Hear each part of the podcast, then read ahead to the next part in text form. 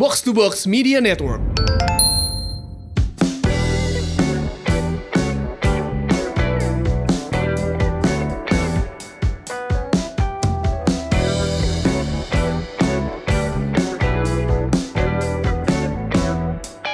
Hai Semurian, welcome back. Ini dia podcast Semur, Sehat dan Makmur. Podcast yang akan mengajak kamu untuk sehat jasmani dan makmur finansial. Bersama saya FX Mario dan ditemani partner saya. Hai, saya Ligwina Hananto.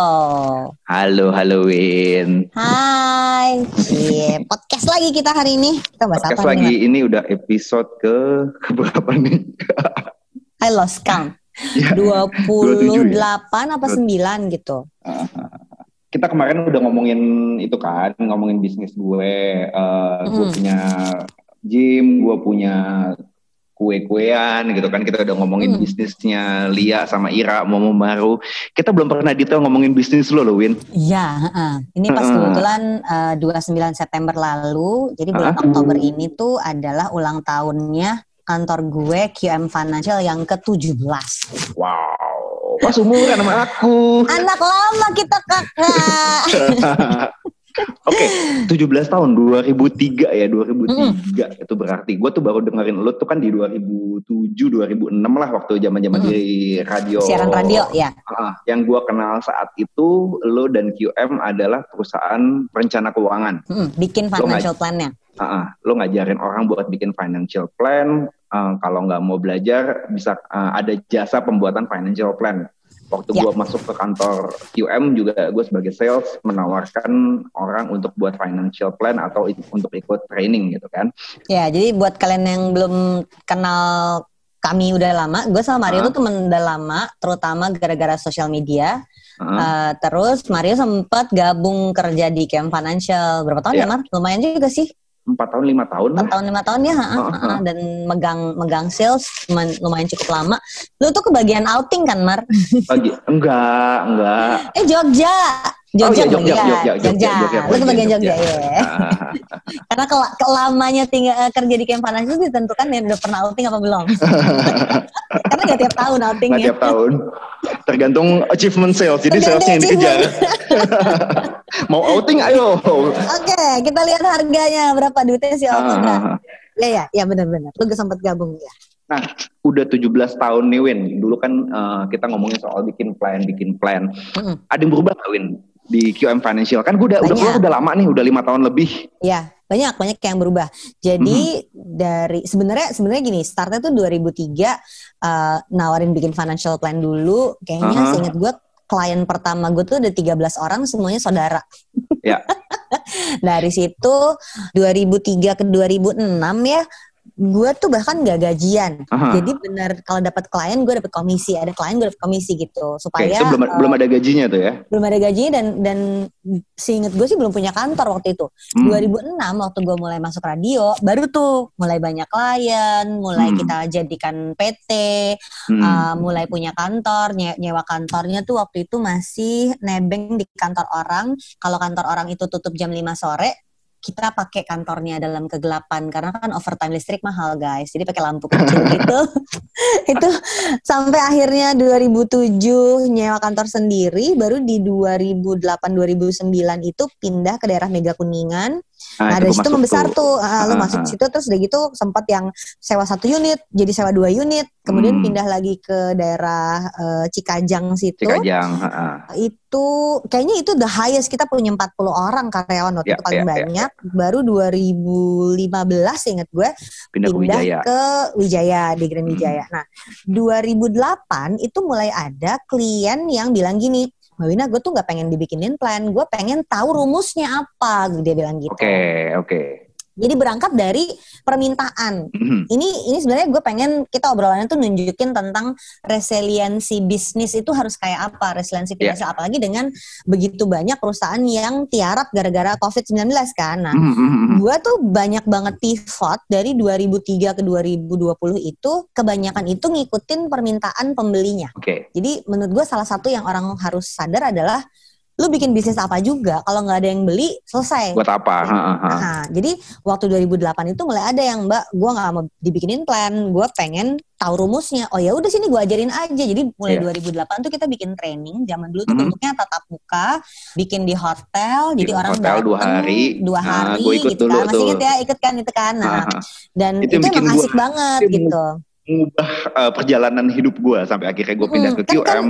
Lu jadi jadi ngerti rumus, lu tahu Iya, cara iya. mengaplikasikannya dan itu Iya. tuh yang gua rasain adalah yang ngajar tuh high banget karena aduh seneng banget orang jadi tahu apa Iya. yang ada di kepala gue, yang diajarin pun juga merasa empowered dengan ih gue tahu cara ngerjain ini gitu. Nah, itu di Mhm. 2008. 2018 waktu kita bikin training tatap muka itu lagi susah-susahnya karena ngumpulin 12 orang untuk menutup cover ongkos itu susah ternyata Mar. Dapat Hmm. 12 orang tuh susah banget Mar. 12 Ya, orang ya, tuh susah banget. Mesti booking hotel dulu, pesan makan segala macam.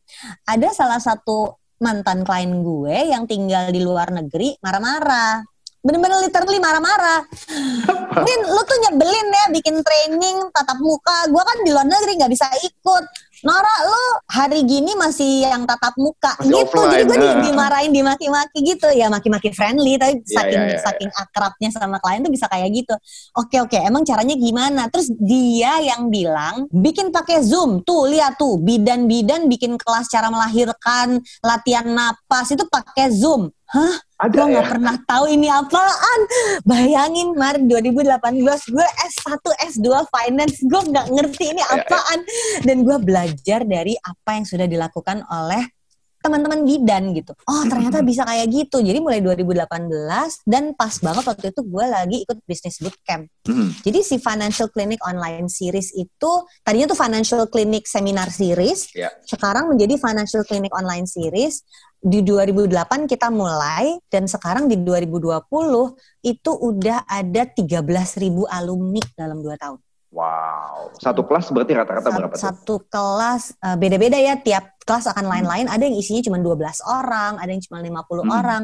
Tapi bulan ini karena lagi promo itu pesertanya satu kelas rata-rata 100 Mar. Hmm. Lu bayangin dari gua tadi kita punya 12 foto-fotonya. peserta. 12 peserta nungguin untuk satu-satu confirm.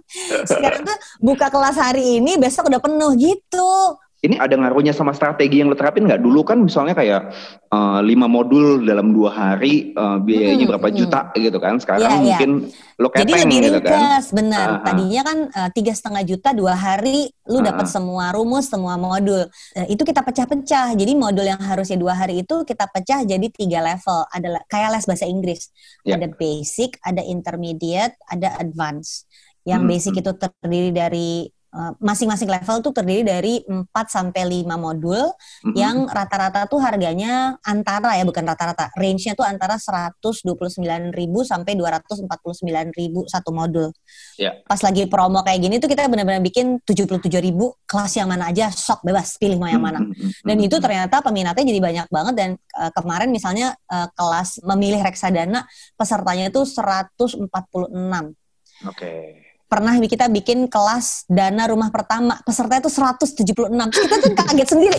Ntar dulu ntar dulu nih ngumpulin orang sebanyak ini caranya gimana? Yang kayaknya ya almost impossible to do kalau kita mulainya tidak karena pandemi gitu. Jadi Iya, there's iya, silver. iya, iya. Gue gua nggak suka bilang ada keuntungan pandemi. Menurut gue itu Mhm. kalimat yang bodoh gitu ya. Tapi there's a silver lining gitu. Jadi Ya, ya. harus melihat ada kesempatan apa pada saat kondisinya orang harus di rumah aja dan dipaksa konversi digital Mhm. sehingga ajaib aja gitu tadinya kita ini program udah mau go stop Januari karena pesertanya Mhm. turun terus kan trennya turun gitu Iya. dari 2008 ke Ya, ya, ya, 2020 ya, ya. tapi karena kita belum punya penggantinya nggak apa-apa deh gue bilang sama tim gue kita kerjain aja walaupun orangnya sedikit. Ternyata begitu pandemi malah rame. Dan jadinya eh, Hmm. dua 13.000 orang itu ada tersebar di 283 kota di 23 negara. Wow. ajaib Mar. Jadi beberapa peserta juga. yang tidak kita bayangkan ada di kota apa setiap kali ada kota baru tuh anak-anak pasti wih kota apa? Di pulau apa tuh? Provinsi apa? Pasti kayak gitu. Karena kota-kota yang ini kota apa? Kita nggak pernah belum pernah sana gitu. Ya, ya, seru ya. deh seru banget lu ngajar segitu banyak orang gitu ya. Mm-mm. Pemahaman orang beda-beda. Eh, kalau Ya. ada yang cepet nangkep mungkin nggak banyak nanya, tapi mungkin yang mungkin backgroundnya bukan finance, mungkin backgroundnya bukan ekonomi, Mm. abis belajar itu masih ada chance buat nanya-nanya nggak? Ini kan mungkin buat beberapa orang ini ilmu baru ya, lu belajar personal finance gitu. Ada follow up-nya lagi nggak sih yang lu kerjain? Enggak. Bedanya jadi kalau kita bikin Enggak. financial planning, kita yang jadi financial planner, dia tuh bisa Hmm. diakses hampir 24 jam dong sama kliennya ya. Iya, iya. Uh, walaupun ada hari-hari dia meeting, tapi ada hari-hari yang dia lagi santai-santai, kliennya WhatsApp dong nanya gitu. Iya, iya, iya. Nah, kalau di financial training ya kesempatan lu nanya adalah di kelas. Jadi lo nggak Oke. bisa minta WhatsAppnya si trainernya gue mau nanya lagi habis ini nggak bisa karena Hmm. pekerjaan dia berhenti saat trainingnya selesai. Oke. Uh, tapi memang ada ketolongnya karena kita bagi pecah jadi basic, intermediate, advance kan. Mhm. Jadi pertanyaan yang dasar-dasar banget itu adanya di basic, di Oke. intermediate tuh kita perhatiin pertanyaannya udah lebih teknis. Mhm. Kalau yang di advance itu pertanyaan lebih kompleks gitu. Uh, Mhm. itu kelihatan sih. Jadi kita bisa memecah literasi finansial peserta itu berdasarkan si jenjangnya tadi. Jadi yang advance bahkan harus sudah pernah ikut intermediate. Jadi kalau orang mau ikut advance tuh nggak bisa tiba-tiba ikut itu nggak bisa. Harus ikut Hmm. intermediate dulu supaya frekuensi kepalanya sama. Terus untuk kayak ngisi kekosongan gapnya, uh, Hmm. kami tuh bikin acara lain namanya financial dialogue. Financial dialogue itu acara sebulan sekali. Bedanya bukan kuliah kan kalau financial clinic kan kayak Ya, kuliah Kayak kuliah ada satu arah. modulnya, ada modulnya satu arah gitu terus tanya jawab. Kalau financial dialogue itu ngobrol. Jadi gua ngundang dua atau tiga panelis sebagai narasumber. Habis itu gua kasih satu materi terus kita diskusiin dan eh, udah bulan Oktober ini volume keempat. Jadi yang Oke. pertama tuh volume pertama tuh kita ngajak Najila Shihab, volume kedua ngajak Raditya Dika. Wah itu pecah Hmm. pesertanya 600 Mar. Wow. Cuma buat apa? Dengerin lo ngobrol Cuma ya? dengerin gue ngobrol sama Radit doang 600 orang yang daftar gitu. Yang volume ketiga tuh ngajak Aditya Mulya karena dia tuh lagi bikin YouTube Bahas tentang properti kan. ya. Seru banget ah. Adit rajin banget soalnya dedikasi banget tuh Iya. eh, bikin materi Iya, itu. iya, iya. Gue juga yang keempat ini, yang keempat ini kita ngundang Jenny Yusuf, Hanifah Ambadar, sama Mhm. Arif Rahman eh, yang bikin World Travel. Mhm. Jadi World topiknya Travel, tuh juga oke. topiknya tuh beda. Jadi kalau di yang financial planning kan ada rumus untuk ngitungnya gimana, reksadana itu apa. Kalau financial dialogue tuh tentang parenting tuh kayak Iya. apa, karir untuk yang umur 25 tuh mesti gimana Oke. gitu. Kalau yang yang volume keempat nih sama Oke. Arif, Jenny sama Hanifah tuh lebih ke adaptasi sesuai pandemi tuh mesti ngapain gitu. Jadi diskusinya tuh nggak melulu ke Oh, keuangan ya, tapi soal keputusan-keputusan Iya, finansialnya iya, iya. Juga karena gue tuh khawatir lihat materi finance itu dijadiin fear mongering Oke. Ya, ya kan ya, materi ya. finansial tuh jadi gini money money is either about dreams or anxiety ya nggak sih jadi Yep, yep, yep. lu lu akan viral kalau lu berhasil menciptakan ketakutan Mhm. gitu nah mungkin karena gue udah lama jadinya gue kayak mungkin waktu gue lebih muda gue juga approach-nya kayak gitu Iya, ya kan kan Ingat dulu kita sempat di radio ini kan. Heeh. Ah, waktu di radio kan juga dulu gue awas lo nanti lu miskin kalau lu nggak investasi kan Nanti gitu anak cara-cara lu nggak sekolah gitu kan. Ah, ah, ah. somewhat gue juga ngerjain firmongering loh uh, iya, 10 iya. tahun 15 tahun yang lalu tapi begitu ke sini gue ngelihatnya bisa juga kita pakai pakai approach yang lebih ngomongin tentang dreams and achievement jadi orang tuh yang bener-bener berbunga-bunga seneng karena perasaan itu yang gue dapatkan dan gue merasakan kepuasan batin kalau udah ngajarin keuangan dan orang yang ngerti terus dia bisa praktekin Hmm. Nah, gue pengen Hmm. menularkan feeling itu. Bisa loh belajar finance dengan feeling itu. Nah, si financial dialogue tuh pengen nyediain wahana untuk orang bisa diskusi finansial tanpa perlu ketakutan keuangan. Oke. Jadi program program digital aja sekarang kerjaannya Mar. Iya, gue menarik berarti approach lu bukan bukan masalah nakut-nakutin kalau lu nggak siap finansial lu akan hidup lu akan berantakan gitu kan. Tapi lo lo ambil Hmm. angle lain bahwa masih bisa kok. There's always uh, hal-hal positif yang bisa lo ambil dari dari belajar keuangan ini gitu kan. Bagaimana Iya. lo adaptasi, lo tahu ilmunya dulu gitu. Oke. Bahkan menarik, yang menarik. yang bulan sebelumnya tuh pas lagi ngebahas properti selain sama Aditya Mulya tuh ada satu panelisnya namanya Pratiwi ya. Dia umurnya belum 30 ya Mar ya. Uh-huh. Terus dia punya resort. Dia punya resort. Permisi, modalnya 600 juta dalam 18 bulan balik modal. Bye, aku punya KPR, belum lunas-lunas. Di situ gue tuh merasa ditampar. dua bulan gue punya apa ya? Udahlah nggak usah lah. Terus terus menariknya adalah gimana em, untuk orang seperti dia dengan segala keterbatasan dan sekarang lagi pandemi COVID, kan di mana-mana resort dan hotel itu kan lagi Mati, tiarap ah, semua iya, dong ya, iya, Mar. iya, iya. Dia bilang gitu, dia dia buka resort di Ubud yang udah Mhm. siap ready tapi nggak bisa buka. Mhm, mhm. Jadi dia nggak berani launch. Nggak Mhm. tahu kapan mau launch. Baru Mhm. jadi lu bayangin. Mhm. Yang di Jogja itu bener-bener asal bisa nutup ongkos aja dia bilang Loh, gitu. nggak cuma satu punyanya dia. Nggak satu, baru dia punya tiga.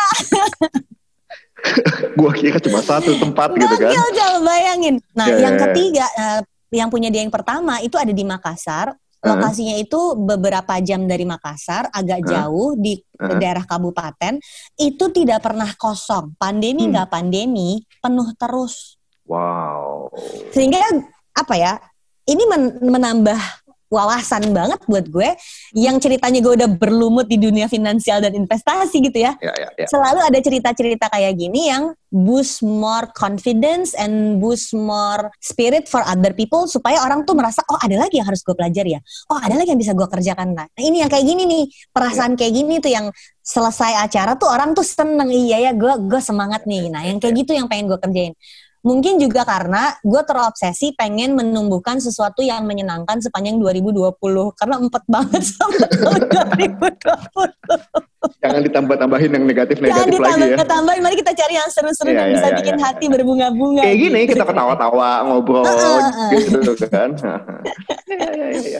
Tapi menarik Gitu. karena personal finance yang dulu kan lu selalu ngomong personal finance itu very personal gitu Very kan. Jadi personal, ya. ketika manusianya berubah, cara ngajarnya juga mesti berubah dong, Win. Walaupun Benar, mungkin ilmunya persis. sama ya, ilmunya Eh, sama. seru tau. Uh, minggu lalu gue pendekatannya abis ngomong sama media media print yang sekarang udah lebih banyak digital dan Mhm. obrolannya tuh udah bukan milenial milenial mar dia udah bilang mbak Wina sekarang yang mulai kerja Mhm. itu udah Gen Z mateng lebih muda Mhm. lagi mar Iya. kelahiran di bawah tahun 98 Anak lahir tahun 97. iya itu kita baru mau lulus kuliah dia baru lahir Iya. tapi ngobrolnya kan udah punya uang dong berarti kan kita harus cari approach Iya, yang iya, iya, berbeda untuk membuat dia lebih tertarik Iya, dan iya. ternyata si generasi yang jauh lebih muda ini punya interest tentang keuangan yang lebih menggebu-gebu dibandingkan kakak-kakaknya yang lebih tua gitu Oke, oke, oke. Jadi lu yang mesti adaptasi ngomong ke mereka itu gimana dong ya berarti ya? iya kan gue Mhm. dinosaurus ya nggak sih iya, iya. Nah, lu punya sumber siapa buat ngomongin hal-hal gitu? Iya, makanya uh, si Di kantor financial dialogue lebih muda itu di- juga. iya, uh, ada rekrutmen baru Mar. Jadi Mhm. ada ada anak baru yang lu belum pernah ketemu, dia baru masuk bulan November. Dua orang yang masih muda banget dibandingkan tim kita yang udah ada, itu ada Rika sama Dea yang begitu mereka masuk November, mereka tuh jadi anak buahnya Risma. Risma tuh project Oke. manager kita Iya, iya. uh, di kantor. Dulu dulu eh lu Risma tuh dulu udah bareng Risma kerja sama lu belum sih? Udah, udah. Dia Udah kan? juga, iya. Bareng kan, Dia bareng sama lu kan, ah, seliftingan ah, sama ah. lu kan, Iya, Andriani iya, kan iya. dulu kan. Nah, jadi dulu dia- tim sales bareng sama Mario, dia sekarang udah jadi manajernya dan dia punya dua anak buah namanya Rika sama Dea yang begitu mereka masuk standar kerja tuh berubah. Karena abis acara, abis Hmm. acara kan biasanya nih ya foto-foto Mbak Wina abis Iya. acara dibikinin video Mar. Oh. Standarnya langsung berubah tuh si Risma tuh yang langsung pusing gua kalau sekarang gua harus ngikutin standar mereka. Ya, ya, ya, tapi ya itu yang yang yang ya yang works di masa sekarang jadi ya begitu ah, ya. jadi berubah cara mereka berpikir beda cara mereka berpikir maka kami yang malah adjust ke mereka gitu loh Ya. nah ini yang menurut gue harus diikutin terus gimana bisnis tuh nggak bisa statis bahkan Ya. untuk founder kayak gue yang udah berlumut di dunia finansial tuh harus bersedia untuk membuka diri dan bilang no gue tuh banyak yang nggak tahu dan harus gue Ya, siapin ya, lagi ya. loh gitu Gue setuju. Kita kita yang mesti tetap relevan, bukan Mm-mm. mereka yang ngikutin kita persis ya. iya karena kita Ya, ya, dinosaurus kalau kita nggak mau Ya. berubah Betul. adaptasi terus Tapi value-value-nya KM yang yang dulu gua kenal apa integrity, eh, fun, satu lagi apa? sampai lupa nggak gitu. Iya ya masih sama, Eh, masih sama, cuman mungkin payung besarnya yang udah agak berubah. Kalau dulu kan kita soal eh, stronger middle class Indonesian kan, Hmm. Yes, yang yes, dijadiin yes. kayak tulisan gede di tengah-tengah kantor Ya. itu. Nah sekarang tuh udah lebih ke financial education for all. Jadi Oke. ternyata setelah kita mengubah tagline-nya menjadi financial education for all, Mhm. eh, dengan tetap mengusung finance should be practical, ternyata itu Mhm. membuka kita untuk nggak stuck sama satu target audience Hmm. malah jadinya orang mau ngomongin apa tentang finansial finansial, yuk kita cari sama-sama cara untuk memecahkan kurikulumnya mesti kayak apa. Ya, um, ya. Enggak enggak stuck harus ngomongin dana pendidikan terus loh gitu. Ternyata Mhm. waktu di approach untuk ngebahas UKM, kita malah punya approach yang lebih praktikal dibandingkan tempat lain gitu misalnya. Oke. Waktu diminta untuk tolong dong Mbak, ini kita punya isu dengan demo buruh misalnya gitu. Solusinya apa? Gue bilang ya harus diajarin karena kalau demo buruhnya minta naik gaji, gajinya dinaikin tapi dia nggak tahu cara ngurusnya, berantakan tuh pasti. Ya. Mendingan kita ajarin cara ngatur duitnya. Jadi gue ketemu sama orang dari serikat pekerjanya, gue ketemu sama manajemennya, gue ketemu HRD-nya, sampai ketemu kurikulum yang sama tiga pihak itu disetujui. Sampai kayak Oke. gitu, Mar. Dulu kan nggak kebayang bakal duduk sebelahan sama orang dari serikat buruh untuk diskusi, Pak, yang ini cocok nggak sama teman-teman kantor Bapak gitu. Wah, menarik, menarik, menarik. Tapi yang paling heboh itu menurut gue begitu bulan Maret, Hah? akhirnya kami 100% kerja online. Mhm. Dari tadinya seminggu ada di tiga kota ya, Senin terbang ke Banjarmasin, Rabu terbang ke Makassar, Sabtu persiapan ke Timika. Gue seminggu tuh bisa kayak gitu sebelum pandemi. Ya, ya, Begitu ya, ya. pandemi, 100% di rumah dan semua pekerjaan itu akhirnya begitu bulan Mei Mhm. terkonversi 100% digital, Mark. Oke. Itu menurut gue ajaib banget. Jadi kantor gue yang secara fisik itu gue tutup begitu Mhm. awal pandemi. Itu juga keputusan besar yang gue baper banget pas gue nutup kantor. Tapi ternyata mungkin itu keputusan terbaik yang sudah gue lakukan sepanjang 2020. Terus keputusan lain selain nutup kantor untuk ser- jadi gue yang gue perhatiin ya kan eh, QM ini yang dilakukan untuk pandemi ini satu ngubah bisnis model jadi training semua, Mm-mm. dua n- nutup kantor, tiga Yes. yang lu pernah cerita sama gue Win, lu nyiapin apa sih target tiga Oh, bulan ke Cash depan? reserve, ya. Ya, Jadi kita ya, hidup itu, untuk tiga bulan itu. ke depan. Ini ini mungkin eh, silakan nyontek lah sebanyak-banyaknya. Menurut Ya, gue ya. ini strategi defense yang sudah Strategi berhasil. bertahan ya. strategi bertahan. Jadi begitu tahu pandemi, gue kumpulin tim yang inti, duduk bareng dan ngecek kita Mhm. punya duit berapa banyak. Karena waktu itu semua project untuk tiga bulan ke depan batal, Mar. Ya. Jadi di kepala gue adalah berhenti nih, nggak ada sales nih. Kalau nggak ada sales, nggak makan nih di kepala gue kayak gitu. Langsung ngecek nih sama tim finance gue, kita punya uang berapa bulan. Kalau nggak ada penjualan, kita bisa bertahan untuk berapa bulan. Pas dicek, kita bisa bertahan untuk tiga bulan. Gue tuh saking waktu itu merasa kalang kabut dan terus terang aja takut ya gue langsung ngecek sama mentor-mentor gue. Gue ada tiga orang mentor yang gue pandang banget dari bidang yang berbeda-beda. Ada Pak Budi Isman, itu yang memang backgroundnya ngerjain bisnis plan. Mhm. Ada Pak Alex Chandra, itu owner sebuah BPR di Bali yang memang lebih ke soal praktek kerja di lapangannya kayak apa. Satu lagi tuh Bu Betty Ali Syahbana. Kalau Bu Betty itu eh, dulu country directornya IBM dan Bu Betty itu pakarnya leadership lah. Ya, ya. Gue tuh sampai tiga orang ini sampai gue interview di Instagram Live, padahal sebenarnya I'm trying to pick their brains waktu itu. gue mesti gimana, gue mesti gimana gitu. Dan Pak Budi Isman tuh komentarnya gini, Win, kalau nggak punya duit untuk enam bulan, tutup aja sekalian. Gue digituin, Aduh. kejam banget gak sih Pak Budi. ya. Kejam banget terus. Uh. Iya Pak, ya Pak, saya akan siapin duit 6 bulan, gue bilang gitu. Akhirnya setelah dihitung-hitung nggak punya gue 6 bulan, tapi gue punya buat tiga bulan. Oke. Jadi sesudah itu ya udah deh, gue udah nggak sanggup suruh planning bisnis plan untuk sepanjang 2020. Gue punya planning untuk tiga bulan ke depan, tiga bulan ke depan, tiga bulan ke depan, dan ternyata itu membantu Oke. gue sama tim untuk tetap waras. Karena keukur kan Hmm. kalau tiga bulan. Gue Ya, tahu sales pendek, untuk targetnya sekarang nih misalnya kecil. uh-uh, Oktober, November, Desember itu quarter 4 2020 tuh mau ngapain? Hmm. Sekarang nih Mar, gue tuh udah punya uang untuk hidup sampai Desember. Nice. Jadi gaji terjamin, pajak terbayar, fasilitas-fasilitas anak-anak terbayar, program marketing ada, pengembangan produk ada duitnya. Semua sales untuk Oktober, November, Desember itu udah diproyeksiin buat quarter 1 dan quarter 2 2021. Mhm.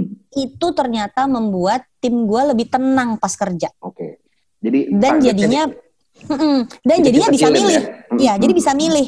Project ini kerjain jangan. Mhm. Kayaknya cuannya nggak worth it deh. Mhm. nggak nggak worth it deh nih ya udah drop cari yang lain gitu Mhm. karena kan ada project-project yang ribet Capeknya banget tapi ternyata marginnya ah, ah, tipis nggak masuk Tipis. nih Ya, ya, kalau ya. lu BU lu akan ambil semuanya Iya, kan gitu iya, iya. tapi begitu enggak kita masih punya uang untuk makan tiga bulan jadi pilih kerjaan yang mana karena Mhm. um, resources di gua itu kan waktu ya Oke. resources gue tuh waktu bukan barang Tapi Mhm. karena resources gue waktu, gue harus jaga supaya tim gue itu tetap waras karena ternyata kerja online itu capek sekali. capek banget.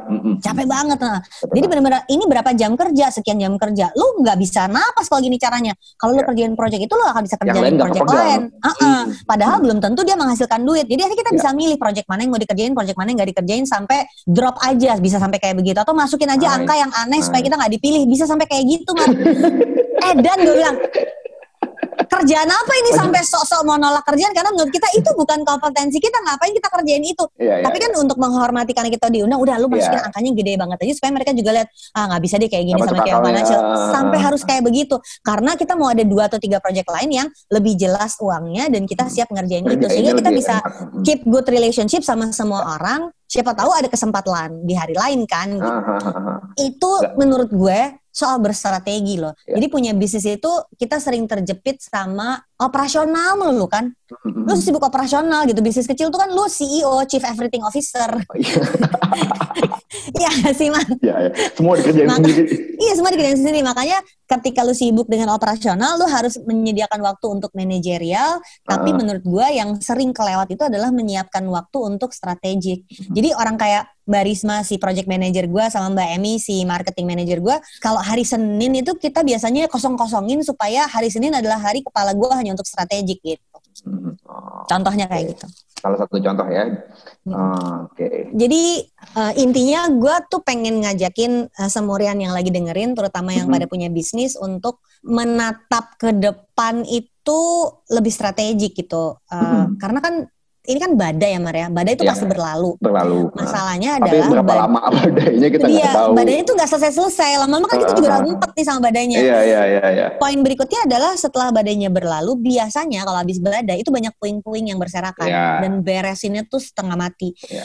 Jadi gue tahu banyak di antara kita yang masih di level survivor ya, gimana caranya biar biar buat survive selama tiga bulan ke depan. Mhm. Tapi kalau nanti lu udah agak reda sedikit, tolong sediakan waktu untuk mikirin ke 2021-nya. Lu pengen punya strategi apa untuk 2021?